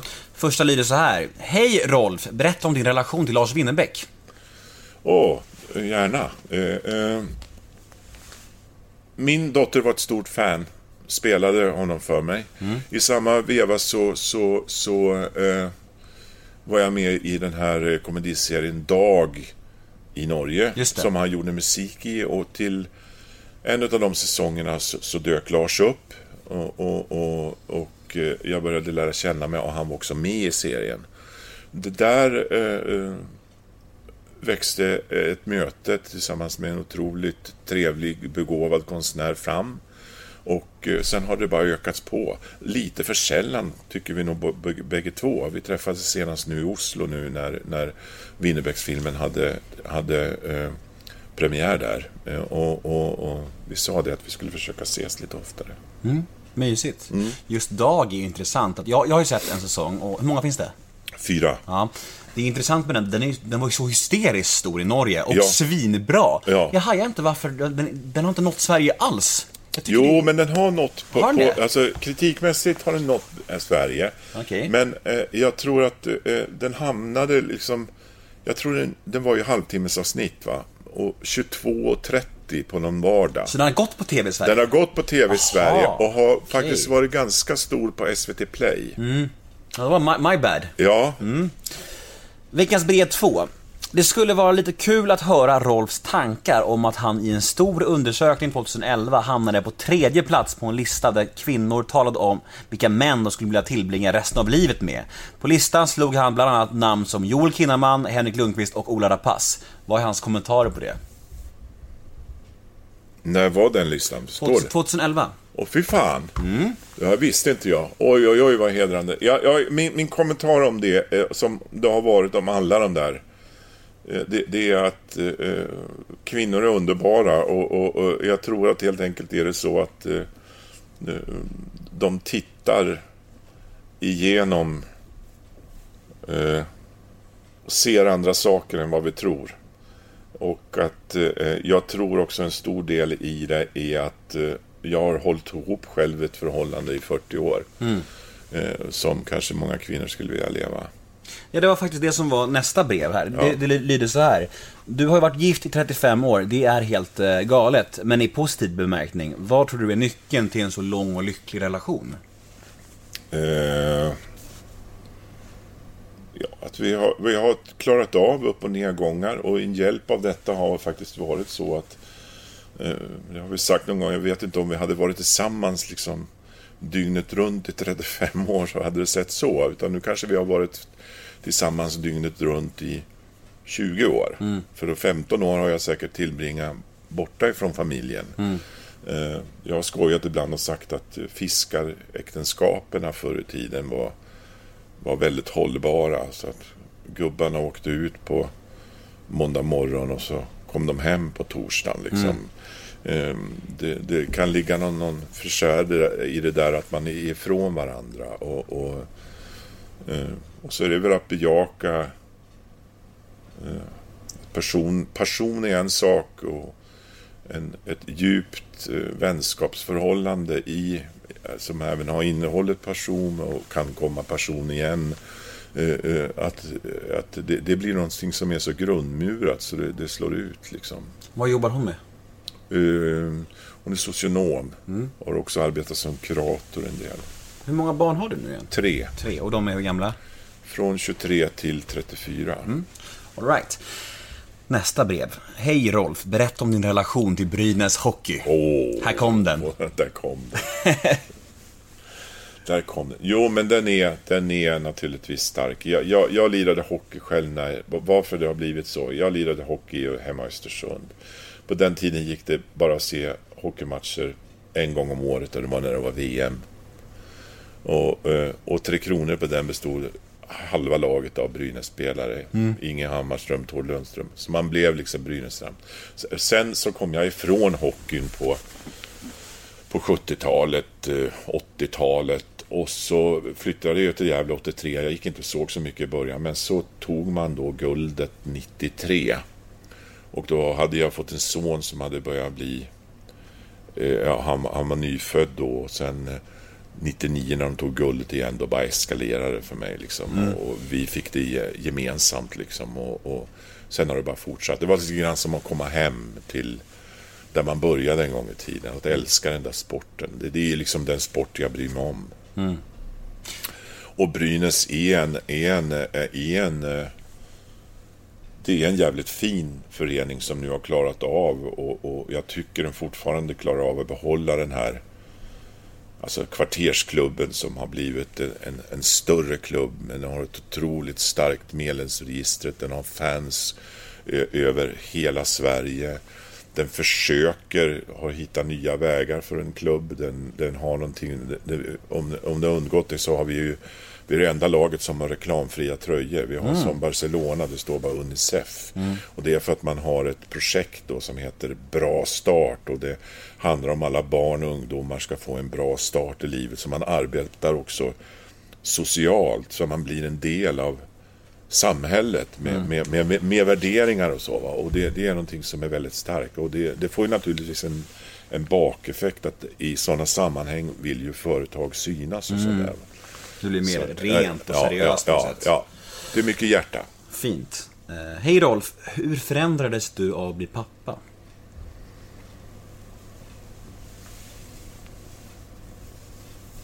Jag blev pappa när jag var 27 tror jag. Mm. Minns du hur, hur, vad som hände i dig, i dig då? Ja, det var en ganska turbulent typ tid. För att vi bröt ju upp från Skåne då och flyttade till Gävle. Eh, eh. Men eh, eh, nu sitter jag ju här med en nybliven pappa. Mm. Jag, jag tror, du, du kanske säger emot mig, men, men när vi träffades här så sa du det. Men den första tiden så tyckte jag, då var inte jag riktigt huggen på det liksom. Eh, det var mycket mamma då liksom. Eh, och, och jag fanns ju där liksom. Och, men men eh, jag, jag förändrades nog mer och mer liksom. Eh, ju mer de här började kommunicera med en, liksom. Från ett och ett halvt år och sådär. Då, då, då, då började jag hoka ordentligt på det. Eh, eh, eh, man ändrade ju sitt sätt att leva på det sättet att eh, eh, mycket utgick ju från dem. Hej Rolf! Berätta om eh, din relation med Mads Mikkelsen och hur det var att spela in med honom. Oh. Ja, det är ju en sån där film efter bröllopet då som, som var otroligt otroligt fin inspelning med Susanne Bier. Uh, uh, och Mats uh, var ju redan då en av de stora här i Norden då. Det var väl strax innan han begav sig ut i världen då. Likadant där liksom. En otroligt hängiven skådespelare som ger och tar fullt ut. Jag tycker han är fantastisk. Ja, han är fan, han är fan, han är så jävla cool tycker jag. Ja. han, han, han spelar så mycket olika roller Ja, hela tiden precis, och bara hanterar precis. allt. Ja, det är verkligen, verkligen. häftigt alltså. Ehm, fråga gärna vad Rolf eh, har för tankar kring metoo och tystnad tagning. Ja, alltså de tankar jag, jag när, när- när, det här släpptes, det var, det var väl konkret att eh, eh det, det var väldigt positivt. Eh, sen ser jag liksom, jag ser olika delar i det liksom. Dels de här vittnesmålen då som är, de är väl lättast att ta ställning till, det är ju rent brottsliga saker. Eh, så, så det, det är inte så mycket att snacka om. Det, det, det, det är brott som har begåtts. Och att det är förjävligt att det ska vara så. Eh, sen finns det en mer komplicerad väg, eh, del i det hela och det är ju där jag tycker att de, de eh, menar att göra detta kan ha skapat en grov, alltså en bas där vi ska kunna prata om det här mer i vardagen, alltså att hur, hur man är mot varandra. Strukturer. I struktur, inte bara strukturer, även om hur, hur vi är mot varandra. Eh, I, alltså att det inte blir en sån jävla big deal, för det svåra är ju att säga ifrån. Eh, Du vill inte upplevas som tråkig, du vill inte riskera någonting. Att man inte ska behöva riskera någonting. Eh, sen har jag personligen jävligt svårt att, att, att, att fatta eh, de här härskarteknikerna som jag, jag kanske har varit skyddad ifrån det. Eh, Jag, jag, jag kan märka ibland att när jag möter yngre skådespelare så finns det en respekt och att man är lite rädd. Det, det, det, det, det, är någonting som jag på en gång försöker riva ner. Därför att eh, vi sa här i början, det, det, det handlar om möten. Eh, och, och för mig handlar skådespeleri om två, två människor som möts och i detta möte skapas det någonting. Och det kan fan inte bygga på att den ena ska, ska, ska, ska, ska eh, vara rädd. Därför att det, det, det, det, det blir i mina eh, ögon sämre. För, för även den som liksom tror att den ska tjäna någonting på det. Alltså. Jag menar, rädda är vi i alla fall att stå framför kameran. Men det kan vi vara tillsammans. Eh, jag är otroligt uppfostrad i en, i, en, i en kollektiv anda. Och det har sina problem det också, för kollektiv, du får, du får ledare, du, du liksom stiger upp. Va? Och, och, och, det, det, det är den kampen man, man måste ta. Liksom, va? Eh, att hitta det här sättet att det, det sker underifrån. Det är bra att vi sätter strukturer och allting. Men den svåra nöten blir... Eh, och det jag har försökt göra är, det är att rannsaka mig själv. Liksom, har, har jag varit i en situation där jag inte har sagt ifrån och sånt där. Liksom. Eh, så det, det är väl mina tankar kring det. Fråga Rolf om sexscener. Konstigt nog förknippar jag honom väldigt starkt med det. Är det jobbigt att göra? Är det kul? Vilken är hans favoritsexscen som han har gjort? Sexscener? Du har gjort ett gäng. Men är det sexscener? Det är väl mer, mer kärleksscener? Ja men, ja, men okej. men det var... Sexscener, det låter som liksom Jag vet. hardcore porr. Ja, det här, låter som, faktiskt. Ja, ja, det är liksom... Det är, eh, Är det jobbigt att göra? Eller är det kul? det, det är klart, det, det, är, det är alltid förenat med, med, eh, med, med en nervositet och, och, och, och, rädsla och så. Men jag menar, det blir ju ingen som... jag har aldrig varit med om att jag fått börja med en sån scen i alla fall. Eh, eh, eh, eh, men jag menar, en, en sån film som...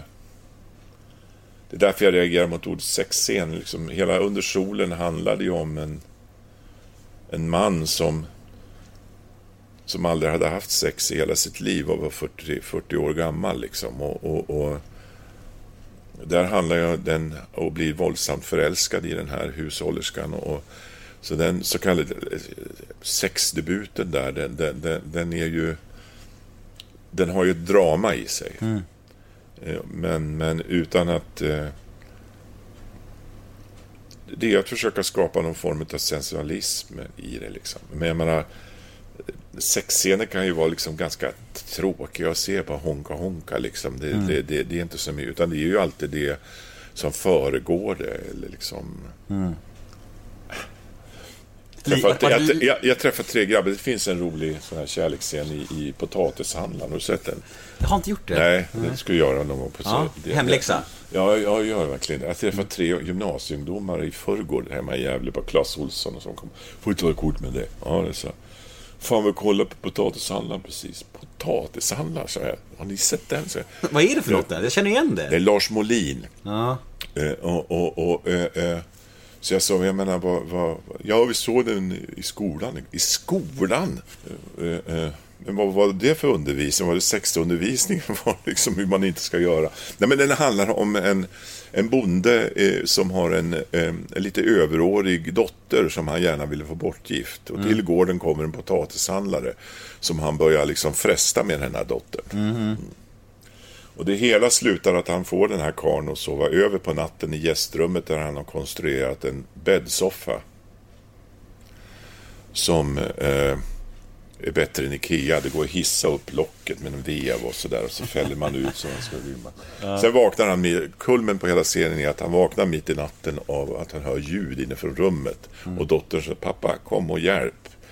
Och då, då, då, då har alltså det här locket slagit igen över de här två. Över min rygg och jag är i henne. Eh, och och, och eh, han blir ju ganska förtjust i det där. Liksom. Och, Ni måste komma loss. Ja, men åh, han ligger... Ligg still, ligg still. ligger. Varvid gubben liksom börjar rucka på soffan lite grann. Så det är mer gladporr. Ja. Men det, vad, är, alltså, vad är det från början? Var det en film eller en Det är en novell först och så gjorde Lars Molin eh, Salig hans minne. Nej, det är en singel, den är en timme. Så, så ta ditt, alltså det, det, det är en av mina populäraste filmer ska jag säga. Är det sant? Ja, det, det, den liksom ses av eh, folk och det, det, är alltså det är en otroligt fin och rolig och varm och, och, och... Har jag något att göra ikväll alltså? Ja, jag gör det. Jag tror, Ja. tror du kommer få skoj med den. Alltså. Perfekt. Okej, fan vi börjar eh, så smått bli klara här. Ja, vad kul. Du, ehm, Inte att vi är klara, men vad kul det har varit. ja jättetrevligt tycker jag. Det var inte så farligt. Nej, eh, men nu har du mycket i pipen, mycket i fören. Var ska, vad ska vi hålla ögonen öppna för nu? Det händer mycket framöver här. Vi, vi, Ja. vi har pratat om Jägarna. Ja. När kommer den tv-serien? Ja, jag skulle tro att den kommer tidigast på Simor då först, de som har betalt tv nästa höst. Och sen dyker de upp eh, eh, på TV4 då säkert något halvår. Men eh, avslutningsvis så måste du berätta om den döende detektiven. Ja. Eh, den har premiär nu alldeles snart. Den 3 januari går den upp. Den kommer att ligga, det är en miniserie i tre delar som, som de har varit de övriga. Det är den tredje avslutande. Vi gjorde ju en som heter Pilgrimsdöd om Palmemordet, Fjärde mannen om västtyska ambassaden. Den här detektivens död, eh, den kommer att ligga ute på SVT Play redan från premiärdagen, alla tre avsnitten. Okej, Alltså, vill man ta dem redan då så är det bra. Det är en fantastisk bok som jag har drömt om från dag ett. Vi började med en pilgrimsdöd av att få göra av Leif GW Persson. Eh, eh, där var, det var den boken som jag läste när vi skulle börja med en pilgrimsdöd som jag läste som gjorde att jag hoppade på projektet. Och jag är så jävla glad att jag har fått gjort den. Det är en man, eh, det är min karaktär i, i, i, slutet av livet. Han drabbas av en stroke och löser sitt sista fall. Och det är du, Helena af Sandeberg. Ja, Och, Alexej Manilov ja. bland annat. Fan vad grymt. Ja. Eh, Håll ögonen öppna för det. Och eh, har du några drömmar kvar? Alltså några drömmar och mål som du vill så här, bucket list eller hinna med? Eller får du göra allt du vill, tycker du? Ja, eh, alltså jag tycker att de lyckligaste momentet, det- där är vi alla i mitt yrke, lite, lite kvinnor. Alltså det finns ju någonting över vårt yrke där vi sitter och väntar på att bli uppbjudna. Visst, du kan ta tag i själv och driva egna projekt, det är inte det jag menar. Men, men, men oftast är den där överraskningen. Jag menar, i min ålder så började jag sitta och vänta på snälla morfar, eh, morfarroller och sådana där saker. Och så kom Ove. Eh, Det, det, det, det är en sån överraskning i det så liksom, det kan inte bli annat än skoj att jobba med. Liksom, va. Eh, Men visst har jag drömmar kvar, men jag, jag, jag är lite lyxig och lat där och känner att liksom Fan, hoppas jag blir uppbjuden snart. Nu, jag är jätteglad att det här äntligen blev av och Mm. jag hade hört från många av dina kollegor att du var väldigt härlig och du var precis lika härlig som jag trodde. Ja, vad kul. Detsamma säger jag. Ja, vad grymt. Eh, vi säger stort tack till Rolf Lassgård. Tack själv. Hej då! Hej.